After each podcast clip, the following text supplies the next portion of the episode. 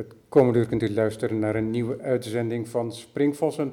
Deze week gaat het over Gunther Furk, naar aanleiding van de tentoonstelling Gunther Furk, A Fragile Beauty, te zien in het Stedelijk Museum de hele zomer, ik meen tot in oktober.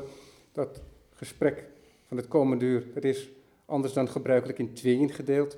In het tweede deel van het uur hoort u mij in gesprek met Dirk Thijs op de zaal in het Stedelijk Museum. Dirk Thijs is zelf schilder en ik had hem uitgenodigd om met mij te spreken over het werk van een collega. Tegenover mij zit Wim van Krimpen. Wim van Krimpen is oud-directeur van onder andere het gemeentemuseum. Maar Wim van Krimpen was ook galerist. En in hoedanigheid van galerist was hij, denk ik, de eerste die Gunther Furk heeft tentoongesteld in Nederland. Klopt dat? Ja, dat klopt. Dat klopt. Dat was in 1981. Ik was in uh, 1980 of eind 79 was ik een uh, galerie begonnen in Amsterdam, in de Molsteeg. Een, uh, een, klein winkeltje. Daar ben ik begonnen. En ik begon natuurlijk uh, met de mensen die ik kende. Dus dat waren vooral Rotterdamse kunstenaars. Ik kwam uit Rotterdam. En na een jaar verhuisde ik naar de Prinsengracht. Ik had daar beslag weten te leggen op een voormalige garage.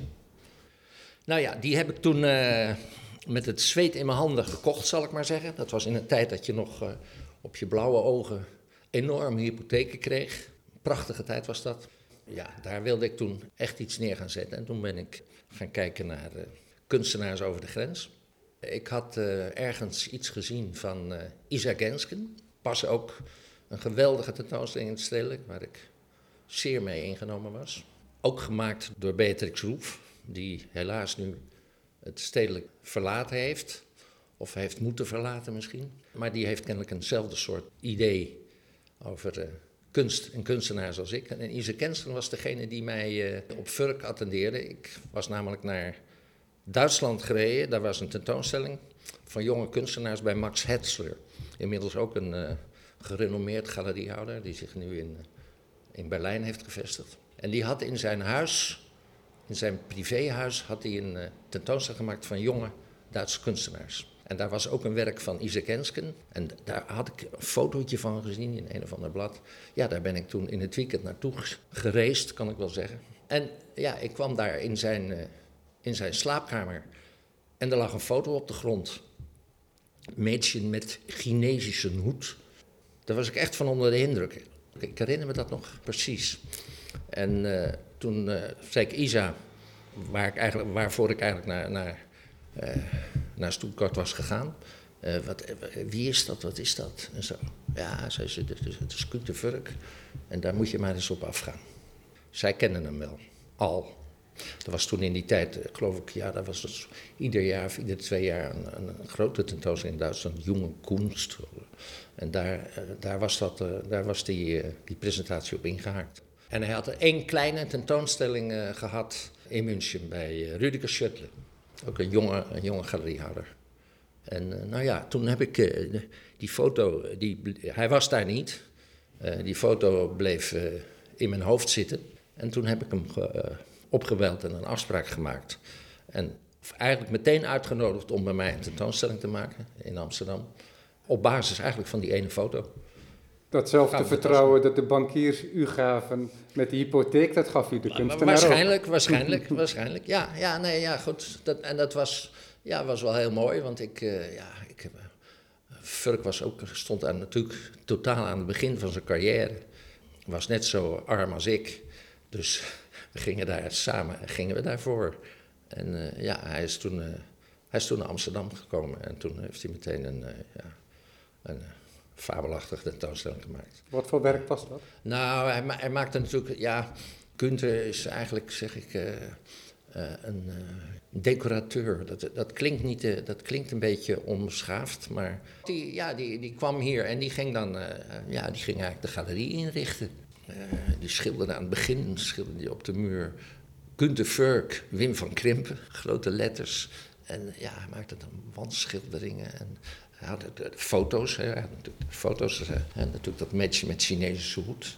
Ja, hij maakte eigenlijk een, ja, een soort uh, een interieur, een sfeer. En, ja. en dat waren toen ook al muurschilderingen? Ja, ja, ja, waren muurschilderingen. Zeker, muurschilderingen en foto's. En, een beetje een mix, een mix daarvan. Maar achter in de galerie, daar hingen foto's van Villa Malaparte. Dat was die, die villa in, in Italië. Ja, en daar was natuurlijk de, de, film van Godard was daar opgenomen. Dat was ook een van zijn uh, inspiraties. De mooie tijden waren dat. de, dus hij maakt hier gewoon een, uh, een installatie. En die fo ja, foto's. Kijk, Gunther, uh, die, ja, op zichzelf fotografie interesseerde hem absoluut niet. Ik bedoel, hij had ook een, gewoon een eenvoudig toestel. En, ik ben nog korte tijd uh, directeur geweest van het Fries Museum. En toen maakte ik een tentoonstelling over Friese landschap. Als je in Friesland directeur wordt, moet je natuurlijk meteen dingen over Friesland doen. Je hebt het nu weer gezien met de culturele hoofdstad. Geweldig. Maar goed, ik deed een tentoonstelling over het Friese landschap. En toen had ik ook Gunther Furk uitgenodigd. Maar ja, Gunther die... Uh, had geen zin om te komen of zo. Of, hij, of het interesseerde hem niet genoeg. Hoewel, we waren wel, wel eigenlijk meteen bevriend. Dat, dat, is ook mijn hele leven gebleven. Gunther was een, uh, ja, ja, schat van een man, zal ik maar zeggen. En toen moest ik, dus ja, foto's Friese landschap. En hij, had toen, hij maakte toen foto's van ramen. Dus van binnenuit hij maakte die foto's van raampartijen en zo. Maar ja, hij vond het wel te veel werk om helemaal naar Friesland te komen. Dus hij zei: Wim, dan moet je even een camera lenen. En dan moet je daar en daar in het museum gaan staan. En dan moet je, die, uh, dan moet je dat raam zo en zo fotograferen. Hij zegt: en dan moet je een rolletje vol schieten. Dat deed hij altijd trouwens. Hij maakte altijd 36 opnames. Daarom ben ik ook wel eens in het leven kwam ik een unieke foto tegen. Toen dacht ik, ik heb die unieke foto wel eens eerder gezien. Dus dat vroeg ik dan aan Furk en dan zei hij, ja luister even, er, zitten 36 foto's op een rolletje.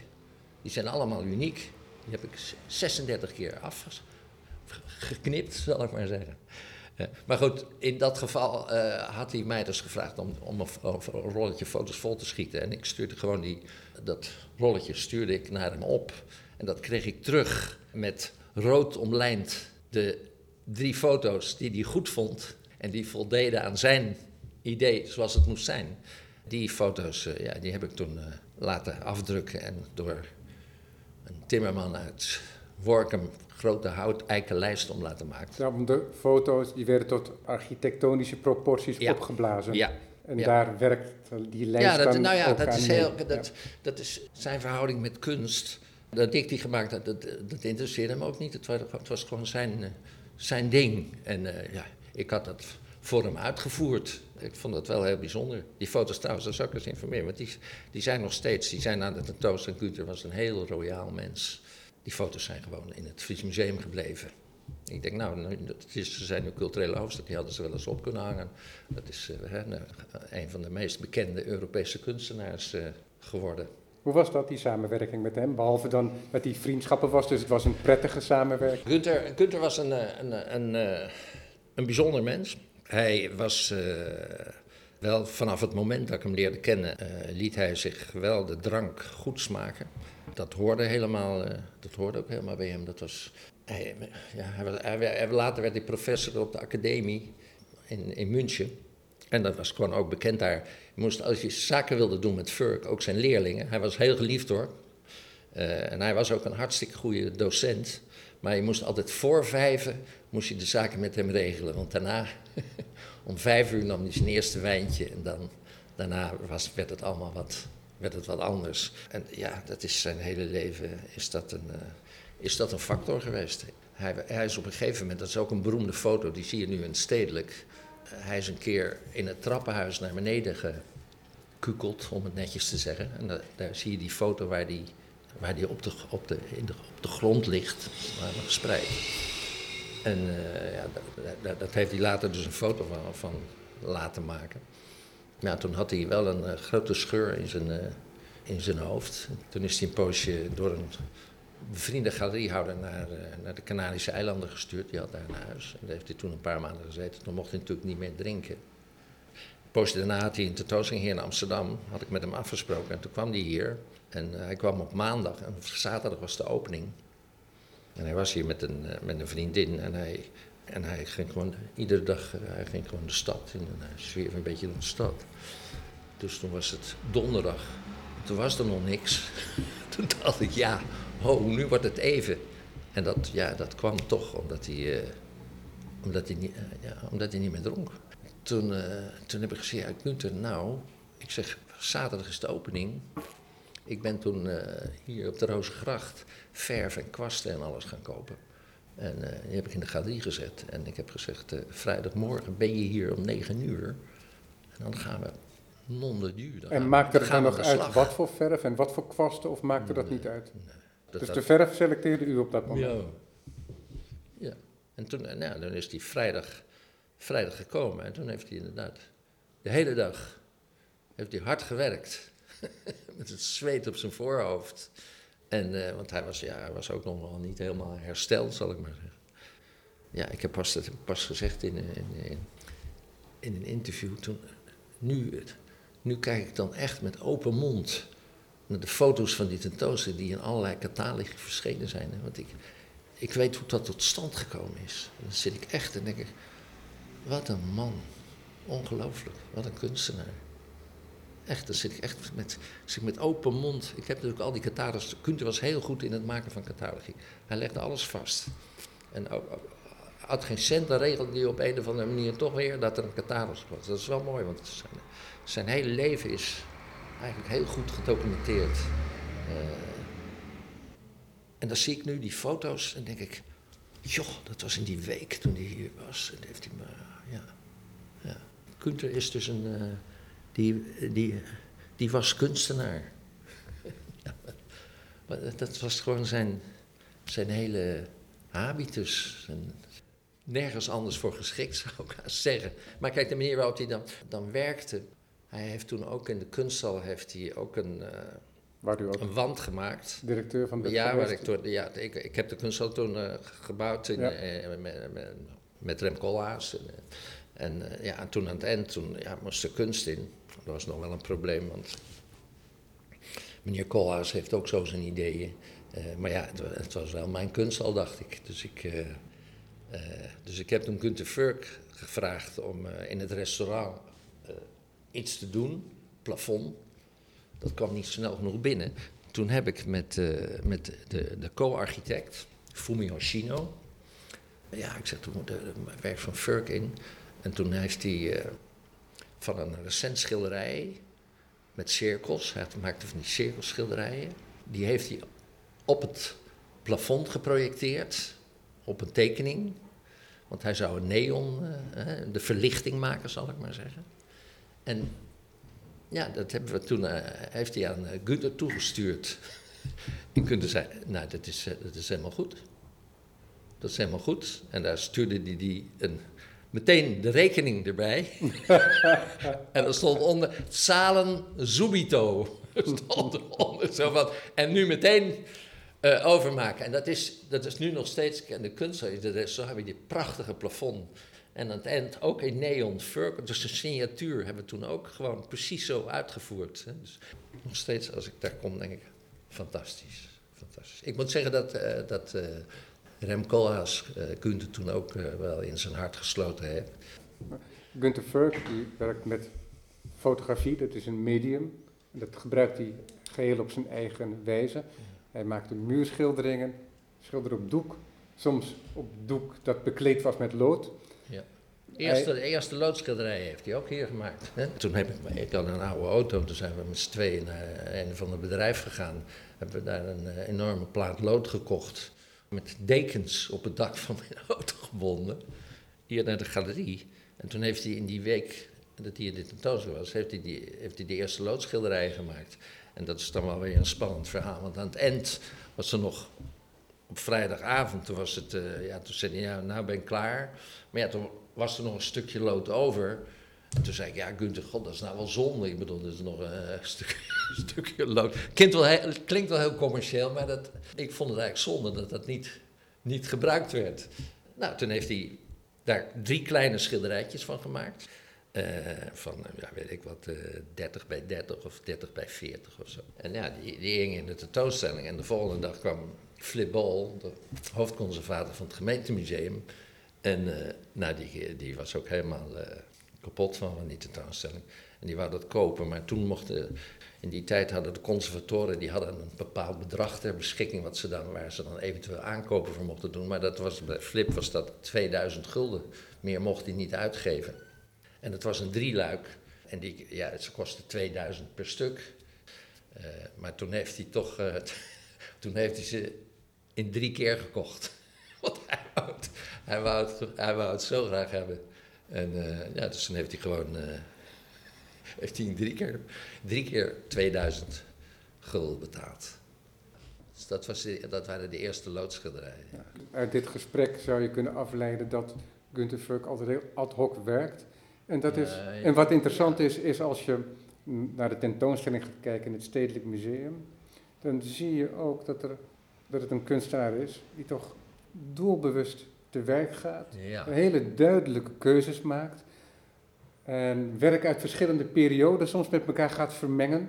Ja. Dus eigenlijk ook bijzonder consequent is in wat hij doet. Uh, ja. Ja, ja, natuurlijk. Kijk, ik, ik vertel dat dan zo, maar die, die dacht natuurlijk best goed na over wat hij deed. Maar het uiteindelijke concept, dat, uh, dat ontstond toch intuïtief ja, dat, dat sprak mij wel geweldig aan. Ik, ik heb ook een, laat ik maar zeggen, intuïtieve benadering van kunst. Dus dat, dat sprak me wel. Hij had, had ik foto's, hè, die foto's, en dat was dan ook een, een project wat dingen die in zijn hoofd zaten, dat hij naar Capri ging of naar Israël. Ik heb het gemeentemuseum tentoonstelling gemaakt toen over de Moskou, waar hij dan de Art Deco uh, gebouwen had, uh, had gefotografeerd. Uh, maar goed, hij, hij, uh, hij, ja, laat ik zeggen, hij pakte het toch, hij pakte het intuïtief in. Zo, zo zou ik het haast willen zeggen. Hij, hij, hij ging toch heel gevoelsmatig, uh, heel gevoelsmatig ging hij ermee om, om het, te, te, om het toch op zijn, op zijn plek te krijgen. Wat bijzonder is, denk ik ook bij hem, is dat zijn interesse in architectuur betrok hij eigenlijk vrij direct op zijn schilderkunst. Niet alleen door zijn muurschilderingen, maar ook op zijn fotografie, omdat die tot architectonische elementen worden. En ik maak het ook mee als ik hier op zaal loop in het stedelijk. Dan heeft hij, ik geloof, vier foto's staan er naast elkaar ehm, met een zicht vanuit een villa gebouwd door Mies van der Rohe. En even is er een omkering tussen wat architectuur is en wat, uh, en wat ruimte. Ja. En alsof het inderdaad onderdeel wordt van de architectuur uh, van het Stedelijk Museum. Hij zet je altijd, hij zet je altijd in een ruimte. Ja, hij, hij zet je in een uitkijktoren. Dat zou je, dat, dat zou je wel kunnen zeggen. Hij, hij, uh, hij, ja, hij, hij biedt je het uitzicht. En dat, dat, dat maakt hij ook. Hij maakt, ja, dat, zou, dat is misschien wel mooi gezegd. Dat, je, dat, je, dat hij ruimte creëert want hij creëert natuurlijk ruimte. Hij maakt, kijk, nu een stedelijk ook. Ik, ja, ik ben toch wel. Ik, ik vind dat ze die tentoonstelling uh, heel, goed, heel goed gemaakt hebben. Iets te, iets te goed, bijna. Heb ik ook tegen, tegen Repsime Visser gezegd. Het is. Uh, want Kunter had natuurlijk iets in zijn karakter, iets heel uh, dwarsigs. En ook, het is, natuurlijk, was ook een, een echte provocateur. En dat is, het is net iets te weinig in stedelijk. Het is iets te wel helemaal in Gunters stijl, Gunters sfeer en Gunters ideeën. Maar hij is toch. Er zit eigenlijk geen foutje in. En uh, ja, Gunther maakt altijd ergens. Hij was toch. Kijk, hij liet hij bijvoorbeeld. Kijk, liet hij een wand maken. Uh, en dan, uh, ja, dan, dan, dan, hij bepaalde alleen de kleur eigenlijk. Dan zei hij gewoon: je, moet, je moet gewoon bij wijze van spreken een voorbijganger vragen dus dan, dan, lag, de, roller klaar. dat heeft hij ook in Japan gedaan, dat heeft hij ook in de kunst gedaan, die eerste wand. Dan heeft hij gewoon, uh, ja, je moet gewoon een, niet al te goede schilder vragen. En die moet gewoon zo die wand rollen. Ja. ik vond dat een fantastische gedachte. Dat heeft hij toen uh, in de kunsthal gedaan. Ja, later is daar een, een, een, uh, een mooi wandkleed overheen gekomen. Dat heeft Wim Pijvers later gedaan. Dat kwam omdat je elkaar niet kon verstaan in, de, in, de, in het restaurant van de, van de kunsthal. Dat was eh, ja, heel mooi, maar iets te hard vormgegeven. Dus er moesten daar wel uh, maatregelen genomen worden dat je elkaar nog kon verstaan. Dus toen heeft hij, uh, de beroemde tapijtkunstenares uit Friesland, heeft toen uh, daar een wand overheen gemaakt. Nou ja, hier beneden, hier beneden ja, ik woon nu boven mijn bijna oude galerie. Hier beneden, uh, in die ruimte waar nu de Frozen Fountain in zit, daar zitten de meest fantastische wandschilderingen van Gunther Furk. Ja, die werden natuurlijk na afloop weer weggeschilderd. Dus ik denk over honderd jaar misschien een keer. Dus die zitten verborgen? Dat, die, zitten, die, zitten daar, ja, die zitten daar verborgen. Ja, dat, nou ja, goed, er is een, een tentoonstelling geweest in Hamburg vorig jaar. Daar hebben ze een aantal van. En natuurlijk nu in Stedelijk ook zijn er ook een paar wanden. Uh, zijn à la Furk. Dat vroeg ik me inderdaad nog af, omdat de man er niet is. En ik vroeg me inderdaad af wat zijn ideeën daarover waren, over ja, de herschepping daarvan. Of hij, net zoals iemand als Solowit, een recept had uitgeschreven. En als je dat recept volgt, dan heb je gewoon weer een solewit. En of er dan ook zoiets bestaat voor nee, die, er zit natuurlijk ook, er is ook een wand, een prachtige wand met tekeningen. Hij maakte wel, uh, niet altijd, maar meestal maakte hij van, van tevoren een schetsje, een tekening. Die ja. tekeningen zijn op zichzelf ook prachtig. En daar, uh, nee, kijk wat ze nu in Stedelijk gedaan hebben, dat is gewoon, ja, à la Furk. Uh, maar het wordt gepresenteerd maar, alsof het zijn werk is. Uh, nou ja, goed. Er was in, in Hamburg ook een, een wandschildering die hij hier beneden in mijn galerie gemaakt had. Maar ja, de, de maten kloppen niet helemaal. Dat, dat is dus anders als bij, uh, bij, ja. bij Solowit. Maar aan de andere kant, als ik uw verhaal zo hoor, dan denk ik, ja, om die maten gaf je niet. Want hij, hij nam gewoon de omgeving hij, voor lief. En liet hij, mij ook die foto's maken. Dus daar, nee, nee, dat was... En hij heeft wel zijn kleuren vastgelegd, want in het Stedelijk Museum is er ook één wand te zien.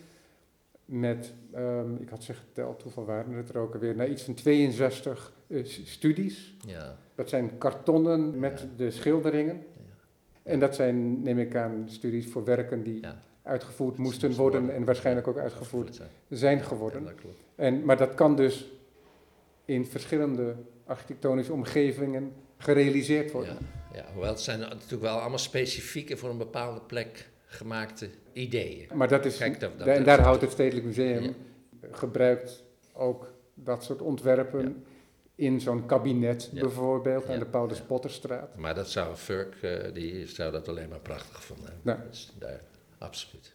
Geen probleem ik daar. Denk, ik denk dat hij, uh, dat hij heel tevreden geweest zou zijn over... Uh, over de tentoonstelling zoals die nu in het stedelijk is. Dus alsof het hem niet, bijna niet inderdaad om die schildering gaat, maar inderdaad om de ingreep in, in de ruimte, in de architectuur. Ja, ja dat klopt. Nee, hij heeft, want hij heeft later, toen na de tentoonstelling hier bij mij, heeft hij toen in mijn kamer daarboven, heeft hij toen de Made met Chinese hoed, dat, dat bedacht hij zelf hoor, heeft hij, heeft hij daar met twee foto's, heeft hij in mijn kamer gewoon een... Uh, een installatie gemaakt, heeft hij de muur geschilderd en die foto's daar geplaatst. Ja, daardoor was die kamer wel uh, ja, monument. Ja, ik ben later verhuisd, dus toen is dat, ja, is dat verdwenen. Dat is het lot van de kunstenaar die uh, ja, werk in ja. situ maakt. Ja, maar die foto, de meisje met Chinesische hoed, die is uh, uiteindelijk in uh, Museum Boymans terechtgekomen.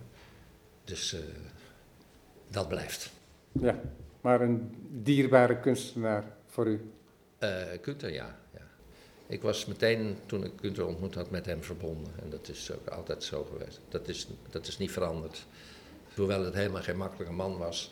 Want als hij natuurlijk in een bepaalde staat was, dan, uh, dan, kon, hij, uh, wel, uh, ja, dan kon hij wel tekeer gaan. Ook, ook tegen mij hoor. Dan, nou ja, dan markeerde er van alles aan. En dan, maar ja, mijn, mij interesseerde dat niet. Ik weet wel, in een groot Nederlands museum, daar had hij de conservator die een tentoonstelling zou maken. Daar had hij van gezegd, ja, die man met dat slaapkamergezicht. ik vond dat een geweldige, ik vond dat wel een aardige opmerking. Ik kon er, maar de tentoonstelling ging niet door. Ja, nou, dat, dat heb ik dus nooit gehad. Kijk, Gunther, die, die, die, die dat was een ongelooflijke provocateur. dat heel, heel raar, iemand die zo, uh, zo nauwgezet en zo fijn werkt eigenlijk. Maar die kon, ja, hij kon aardig. en vooral mensen die, die hem welgezind waren en die van hem hielden, die kon hij ongelooflijk aanpakken. Hij heeft een keer Kaspar Koenig, wat natuurlijk in Duitsland een hele grote man was, dat was ook een grote liefhebber van Günter Furk. Dat ook een bekend verhaal. Heeft hij een keer na een tentoonstelling bij diner een aquarium over zijn hoofd gekieperd. ja, en dat was ongeveer zijn grootste promotor.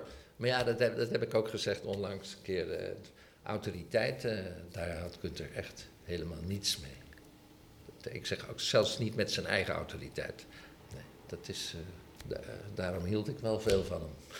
Ja, kan zijn. Ik zal dan even geschiedenis uh, vertellen. Ik, ik, was galeriehouder en toen kwam ik een keer in het Van Abbe Museum diezelfde Flip Bol tegen. En toen zei ik, nou, er is een ge geweldige tentoonstelling van Günter Furk, die die nauwelijks kende. In, ik geloof in München, Gladbach of in Keulen. Ik zeg, die, die zou je best over kunnen nemen in het, uh, in het gemeentemuseum.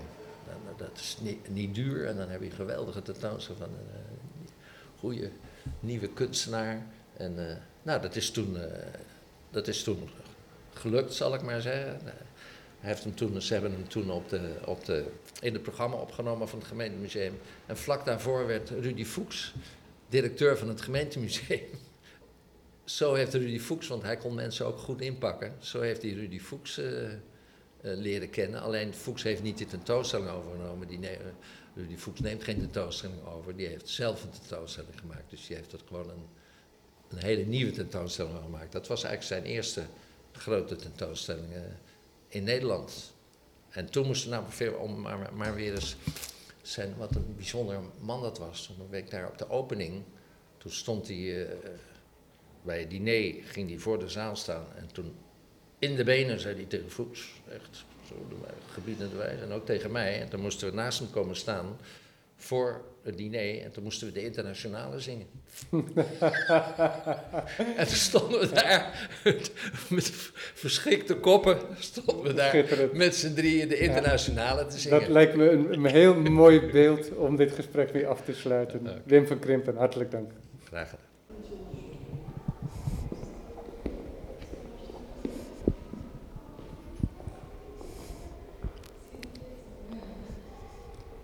Inmiddels sta ik in een zaal, in het stedelijk, in de tentoonstelling A Fragile Beauty. Naast mij staat Dirk Thijs. We zijn hier voor het tweede deel van de uitzending.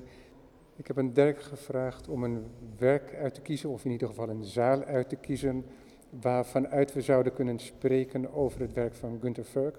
Ik heb Dirk ter introductie gevraagd.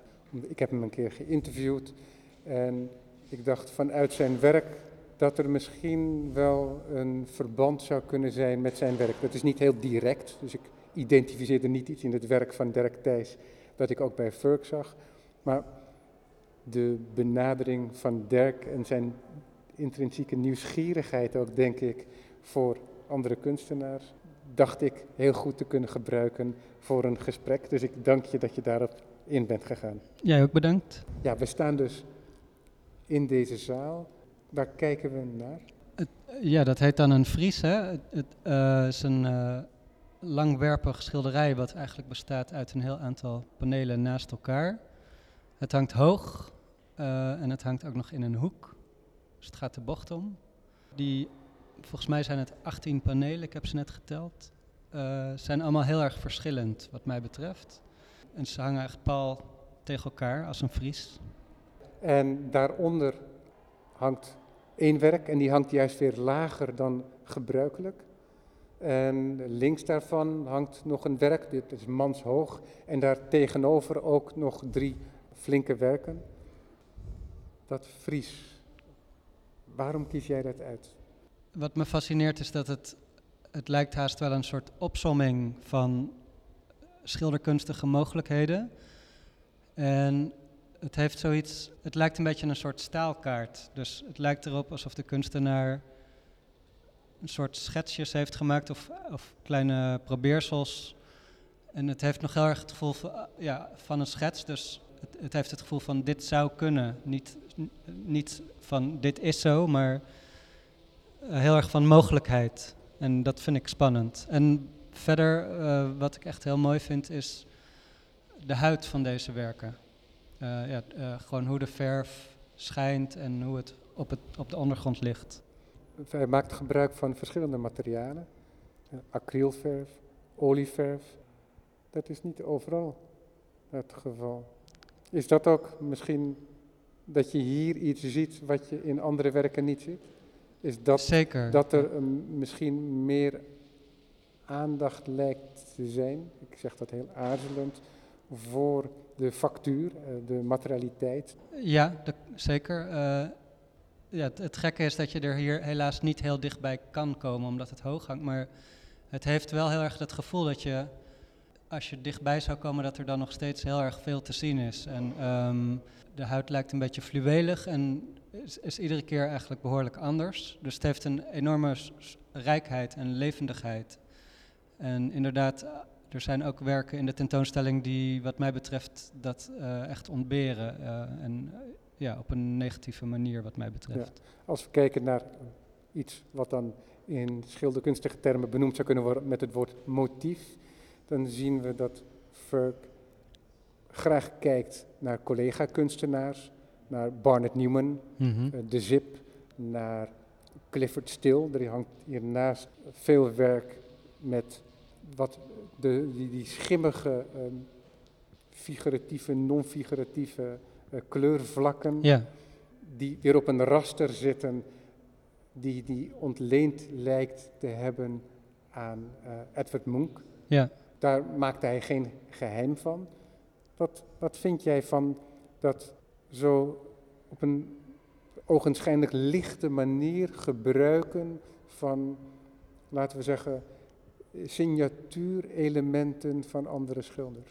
Ja, dat is inderdaad iets waar je in deze tentoonstelling echt niet omheen kan, omdat het bij, bij, misschien zelfs het merendeel van het werk wel aan de orde is. Ik denk dat ik het toch een beetje problematisch vind. Eh, op zich niet dat je andere mensen citeert, maar het, het heeft wel een soort heel groot voordeel, omdat de toeschouwer dat snel herkent en omdat het, ja, het is een soort affirmatie, een soort, een soort legitimatie voor het werk. Uh, die als je dat soort citaten niet gebruikt, heb je dat niet automatisch. En, ja, moet je vaak ehm, worstelen of is het moeilijker om zelf te bepalen wat het nou, of wanneer het goed is, eh, wat het nou precies is. En uh, ja, als je zo heel duidelijk dingen citeert, dan ga je daaraan voorbij. Tegelijk, ja, ik, ik, ik, ik ben er niet helemaal zeker. Ik, ik, vind, ik vind het ook heel interessant om je af te vragen wat dan precies hetgene is wat Furk toevoegt en ja, wat dat evenmeren dan precies is. het is altijd een moeilijke discussie, want dat idee van het ontlenen, daarvan wordt gedaan alsof dat iets moderns is en misschien zelfs iets laat of postmoderns.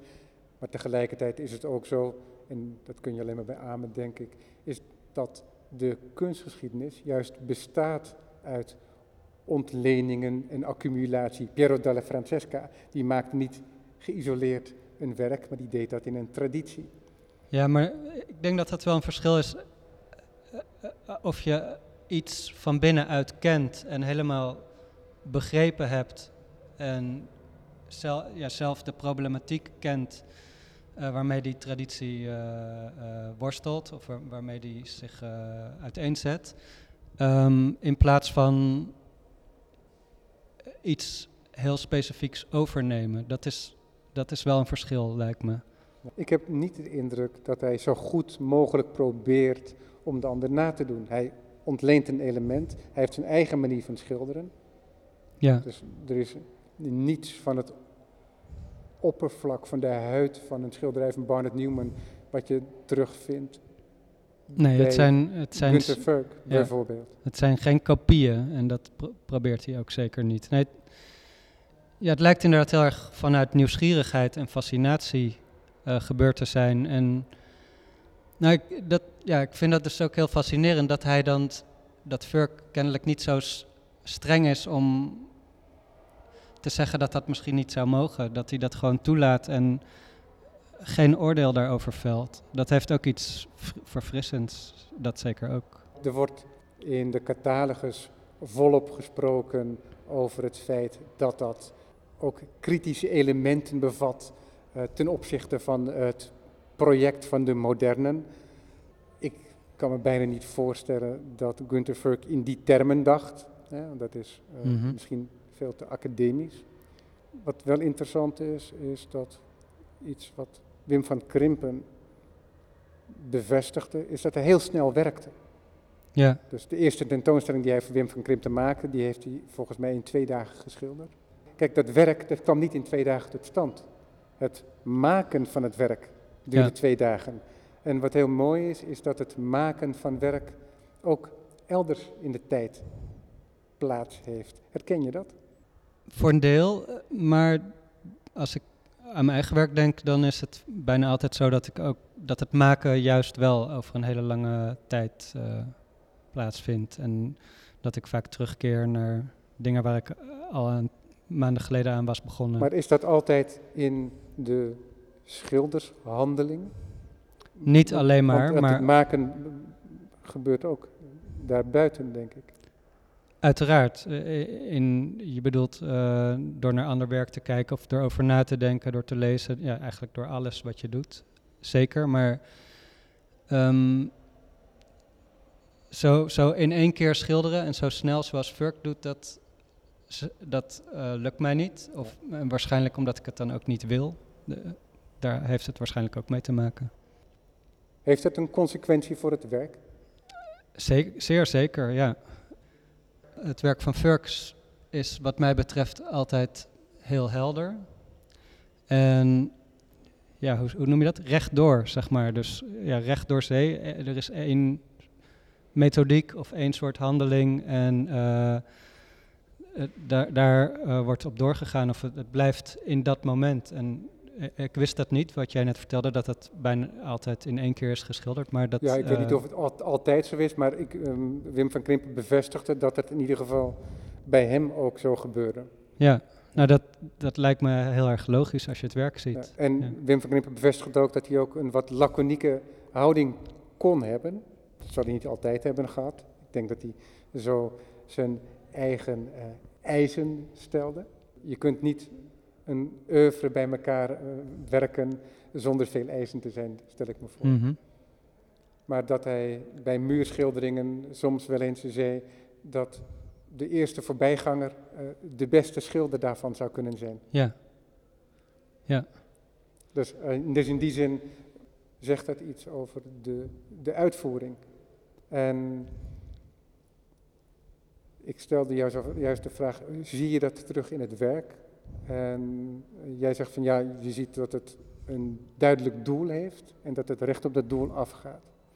ja in het algemeen eh, geldt dat denk ik voor het werk van Furk. En, maar dat ik juist dit Fries eh, zo fascinerend vind, is omdat dit wat mij betreft ehm, juist het, het werk is wat minder helder is dan de rest. Wat, wat ja, juist diffuser is en ook letterlijk een aantal werken zijn... Ja, daar zijn verschillende motieven door elkaar geschilderd. Het, ehm, dus ja, het is juist wat minder Ja. rechtdoor dan andere dingen. En ik, ik, voor mij, ik, ik heb hier het gevoel dat hier een, meer een soort fascinatie of een soort. dat hij hier langer mee bezig is geweest of meer. eh, ja, er, het is meer geladen dan veel ander werk.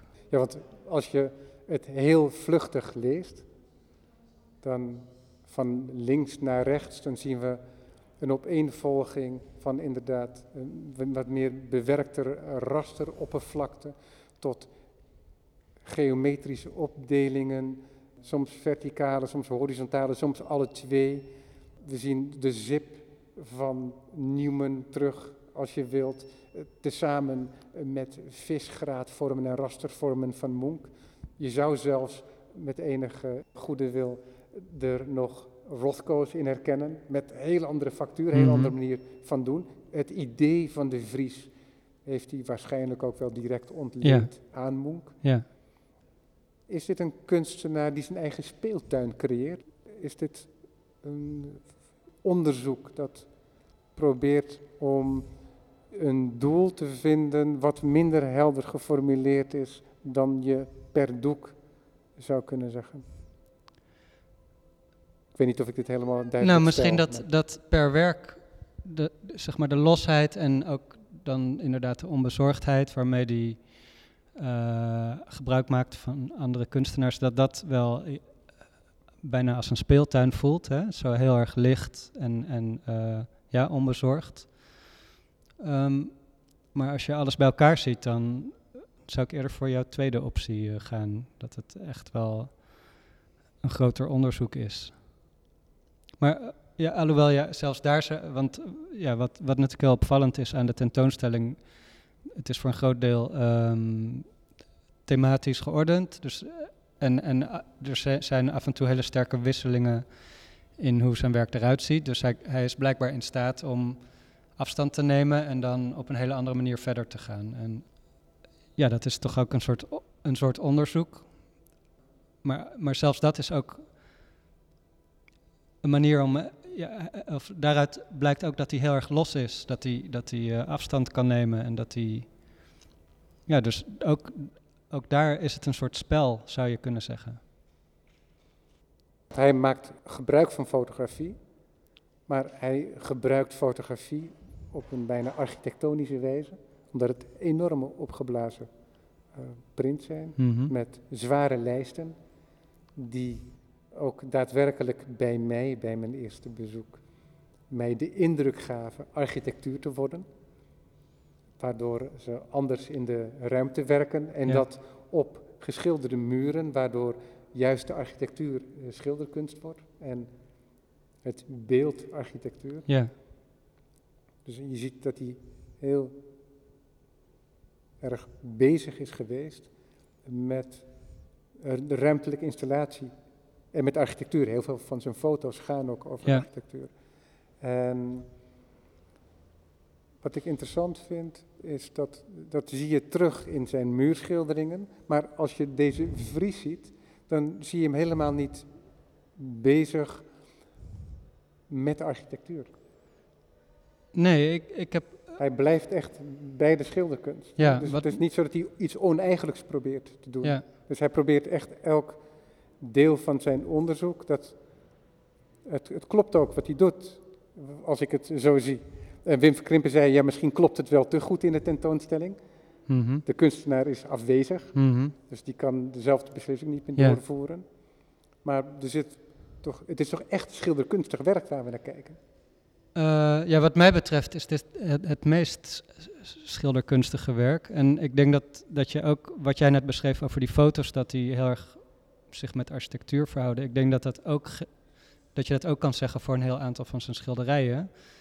Eh, door het formaat, maar ook door, gewoon door de vormen en de monogramie. Het zijn echt, ja, ze, ze, ja, ze fungeren als een soort ingreep in de ruimte. Gaan, gaan dus meer verhouding aan misschien met architectuur dan dat ze gaan over, dan dat ze persoonlijk zijn of dat ze iets zeggen over wie Furk is.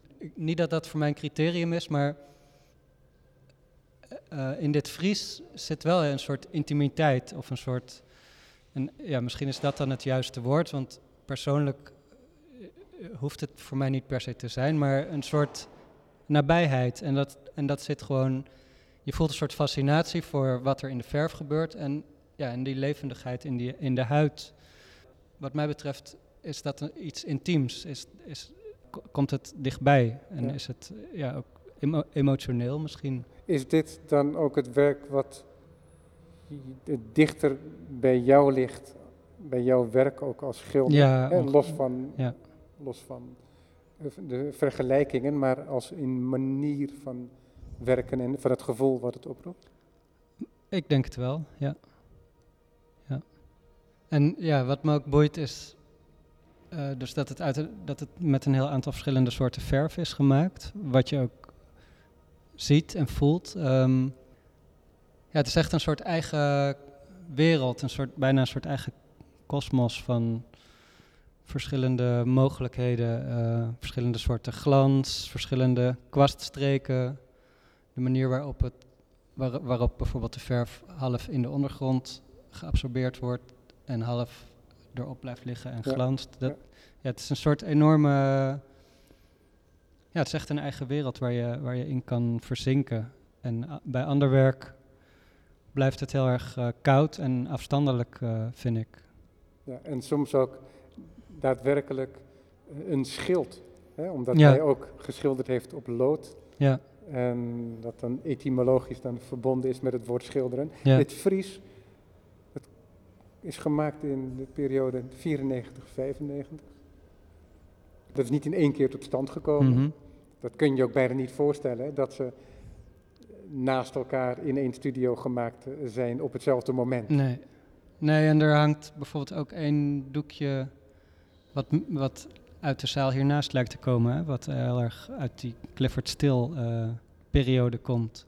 Dus het lijkt, eh, ik zou denken dat hij dit later eh geassembleerd heeft. Een soort samenvatting. Ja, en, ja, en dus ik, ik blijf ook het gevoel hebben van een soort staalkaart. Dus het zijn allemaal mogelijkheden die eventueel later in, in aparte doeken zouden kunnen worden uitgewerkt. Ah, op die manier. Eh, dus het is heel, in die zin is het ook heel rijk. Het, het, het, ja, het biedt heel veel mogelijkheden zonder dat er iets wordt vastgezet. Terwijl andere werken juist, ja, dat zijn heel duidelijk uitwerkingen van één idee. En hier is het, ja, dit bruist echt van allerlei associaties en, en mogelijkheden. En schilderkunstig plezier dus ook. Eh, zeker, ja. En ja, het is ook wel iets waar ik jaloers op ben, dat dat, dat, dat zo onbezorgd en makkelijk en los gedaan kan worden. Zonder al die vragen van legitimatie en zonder, eh, of tenminste, je ziet het niet, eh, eh, dat hij bezig is met een oordeel te vellen of met dingen te corrigeren of te verbeteren. Het is gewoon, ja, het is heel in één keer. En Tref zeker. Waarschijnlijk wel, ja. Ja. Maar dat wil niet zeggen dat daar geen problematisering aan vooraf gaat. Of dat het er mee gepaard gaat.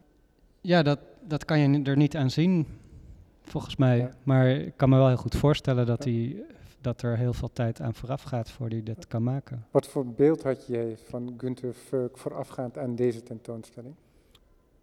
Ja, ik ken vooral eh, die grote schilderijen die dan heel flubberig zijn geschilderd, heel los. En waarin eigenlijk niks speciaals te zien is. En dat fascineerde me altijd wel. Dat, dat, dat er dan een heel groot schilderij hangt, wat gewoon met een grote kwast als een huisschilder of ja, op, op geen enkele bijzondere manier is ingeschilderd. En Ik denk dat, Dat vond ik eh, altijd heel, eh, spannend. een georganiseerder eh, ja, misschien wel, ja. ja ja. factuur zou hebben. Ja. maar- Ja. Ja, en dat, dat fascineerde me altijd. Maar, maar wat me wel heel erg aan deze tentoonstelling opvalt, als je dit zo allemaal bij elkaar ziet, is dat het heel erg.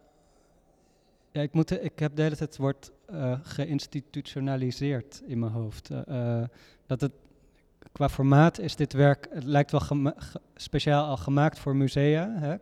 En de kunstenaars die die aanhaalt zijn ook allemaal eh, in een kanon opgenomen. Dus het is wel heel erg, ja, op een bepaalde manier ook wel eh, veilig. Of het zit heel erg binnen de al bestaande instituties Ja. van kunst. Ja, en- daar, daar en- was ik wel veel over Ja, aan en nadenken. behalve de portretten van veelal vrouwen die hij fotografeert en opblaast tot enorme proporties, zijn het ook foto's van, architecten, van werk van architecten die tot de kanon behoren, Ja. of objecten die daartoe behoren. Ja, De villa eh, van eh, Malaparte, ja, Capri, maar ook het Bauhaus en de Langeveld eh, villa, hoe heet dat volgens mij, of de Lange villa in Kreeveld van Ludwig Mies van der Rohe. mhm. ja, jij zei net dat er ergens in een tekst stond dat het een kritiek op het modernisme is, maar volgens mij zou je ook heel goed kunnen zeggen dat het een, een eh, affirmatie is van de hele moderniteit. Als je inderdaad ziet, ja, die, die gebouwen en de kunstenaars, Clifford Still, Gaston, Munch, d- dat zijn allemaal mensen die juist heel erg ingebed zijn midden in de Ja. modernistische traditie. En ja, dat vind ik, ja, wat ik net ook al zei, dat hij dus, dat, dat hij dan al van tevoren al heel veel legitimiteit heeft. Dat vind ik wel iets Ja, waar je over... Maar daar wil ik tegen inbrengen dat je met goede of mooie dingen niet per definitie goede of mooie dingen voortbrengt. Mhm. ja. Nee, hij, Ik kan een weekje gaan stoeien met motieven van Munch. Of daar wat interessants uit voorkomt in het weekje. ja, Je moet daarvoor toch echt wat in huis hebben. ja. Nou, hij heeft zeker wat in huis. Dat, dat, eh, Want het is ook zo dat je. Er, er straalt een bepaalde overtuiging vanuit dat hij dat aandurft te gaan. ja, En dat hij er ook het zijne mee doet. ja, En dat kan misschien juist dat prothese, dat omdat hij dat met die directheid doet waarmee hij dat doet. ja, Dus het, ogen, luchtige... ogenschijnlijk een niet peinzende kwast hanterend. Ja, ja dat, dat klopt wel, denk ik. Ja. Ja, dat het, eh, ja, en dat is ook waar je, de, waar je de hele tijd over na blijft denken van wat het dan is. Ja, van en dat- uiteindelijk komt het in één grote tombola terecht. In een werk achter jou zien we een motief van Munch, tezamen met een zip. Daarnaast zien we rasterwerken, met tegelijkertijd een soort gebogen kamerscherm erin. Mhm. En die doet weer denken aan het windscherm op het betonnen windscherm op het dak van de villa van Malaparte, waarvan de foto's in een andere zaal te zien zijn. ja, Je ziet dat het ook zijn eigen beelden wordt en symbolen worden uit zijn eigen wereld. ja, nou ja, voor sommige werken geldt dat meer dan voor andere, denk ik. Ja. Is er iets veranderd in jouw waardering voor zijn werk? Na het zien van deze tentoonstelling? Eh, in het algemeen is het. Ik denk dat ik eerder door, door het werk wat ik kende, wat ik net beschreef, die hele grote soort monochrome doeken die zo los zijn geschilderd. Toen was, mijn, was ik meer ge- gefascineerd en vond ik het mysterieus. Nu ik alles bij elkaar zie, ja, ik blijf dus wat ik net zei, dat probleem van dat het, dat het zo binnen de instituties en binnen de grenzen zit. En, en dat je nergens echt ziet dat hij daar persoonlijk mee zit te worstelen of zo, dat blijf ik moeilijk vinden. En ja, veel van die grote schilderijen die hebben ook iets autoritairs of zo. Die, hebben, die zijn zo gewoon groot, maar ook zo. Ja, die zijn, die zijn echt voor een museumzaal geschilderd. Denk voor, voor een hele gemeenschap. En niet voor. Ik houd er denk ik persoonlijk meer van als iets. Als je heel erg één op één op een, ja, op een intieme manier eh, kan bekijken. Als het, als het juist probeert om bij je binnen te komen. On, eh, dus niet op een autoritaire manier, maar juist op een tegenovergestelde manier. eh. Heel veel is inderdaad monumentaal, dat geldt voor zijn fotografie, maar ook, ik denk dat je dan refereert aan zijn schilderij in de zaal hiernaast. Dat is een groot staand werk, het grijs, met die vrije factuur waar je het over hebt. Dat is een hele losse, Ja, geschilderde grijze achtergrond, met daaroverheen twee strakke groene verticale banden. ja. En dat zou je als een autoritair werk kunnen opvatten. Nou, dat is wel een van de werken die ik dus al eerder kende en die me fascineerde, omdat Ja. het zo los is geschilderd. Bijna op een soort nietserige manier of zo. Eh, ik heb eigenlijk meer moeite, of die autoriteit ervaar ik meer bij een aantal andere doeken die zo.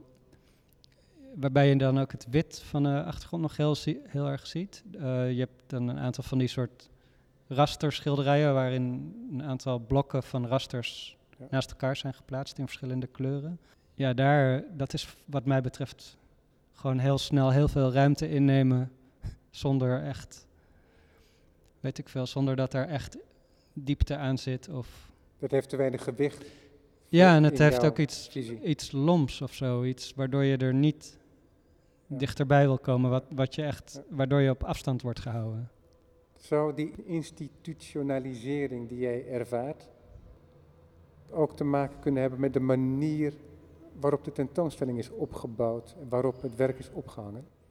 Eh, dat, ja, dat, Dat het minder intrinsiek is aan het werk als wel dat het een bijkomstigheid is van hoe de tentoonstelling is opgebouwd. Ehm, ja, misschien wel. Het, ik denk dat het wel een soort, op een soort officiële of soort bevestigende manier is eh, opgehang- eh, opgehangen. Dus heel erg een, ja, een soort overzicht willen bieden en ook didactisch van dit deed hij toen. In de volgende zaal zie je wat hij daarna deed. Dus ja, als een soort bevestiging. En je zou, je zou natuurlijk ook alles juist door elkaar kunnen hangen, eh, waardoor er rare dwarsverbanden Ja. bestaan of waardoor je contradicties kunt komen te zien. Of, Ja. Een flinke uitdaging zou dat zijn voor de betrokken conservator. De laatste keer dat wij elkaar spraken, dat was over je eigen werk. En dat was over een tentoonstelling die jij maakte van werk dat je gemaakt had voor het grotendeel vanuit een bus. Je, was, je had je studio, had je vaarwel gezegd Ja, en je was Noord-Holland ingereden, merendeels denk ik. ja. En je maakte in en net buiten de bus, in de vrije natuur, eh, maakte je werk. Hoe werk jij nu? Eh, ik heb nu mijn atelier in IJmuiden. Dat is een van de plaatsen die ik toen met het rondrijden zeg maar, heb ontdekt. En ik, eh, dat is een hele specifieke omgeving en mijn werk gaat daar, heeft daar wel, gaat daarop in. Ja, mijn atelier is dan in de visserijhaven. Eh, het is een soort een beetje vaag industriegebied, maar je hebt daar natuurlijk ook de hoogovens. De zee uiteraard. Het, ja, het is een heel, heel bestemde plek. Eh, en ik ben ja, met een heel aantal verschillende materialen bezig en heel divers werk. Dus ja, het is nog niet afgerond, maar ehm, ja, het gaat allemaal wel op een of andere manier over die omgeving daar. Nou, daar spreek ik je ook Graag. graag een keer over. Ik dank je in ieder geval Jij ook. voor het delen van je gedachten eh, over Furk. Bedankt. Gunther Furk is te zien tot en met midden oktober, meen ik. Dus tot voorbij de zomer in het Stedelijk Museum Gunther Furk, A Fragile Beauty. En nu luisteren naar een gesprek met Dirk Thijs en in het eerste deel van de uitzending met Wim van Krimpen. Dank voor het luisteren.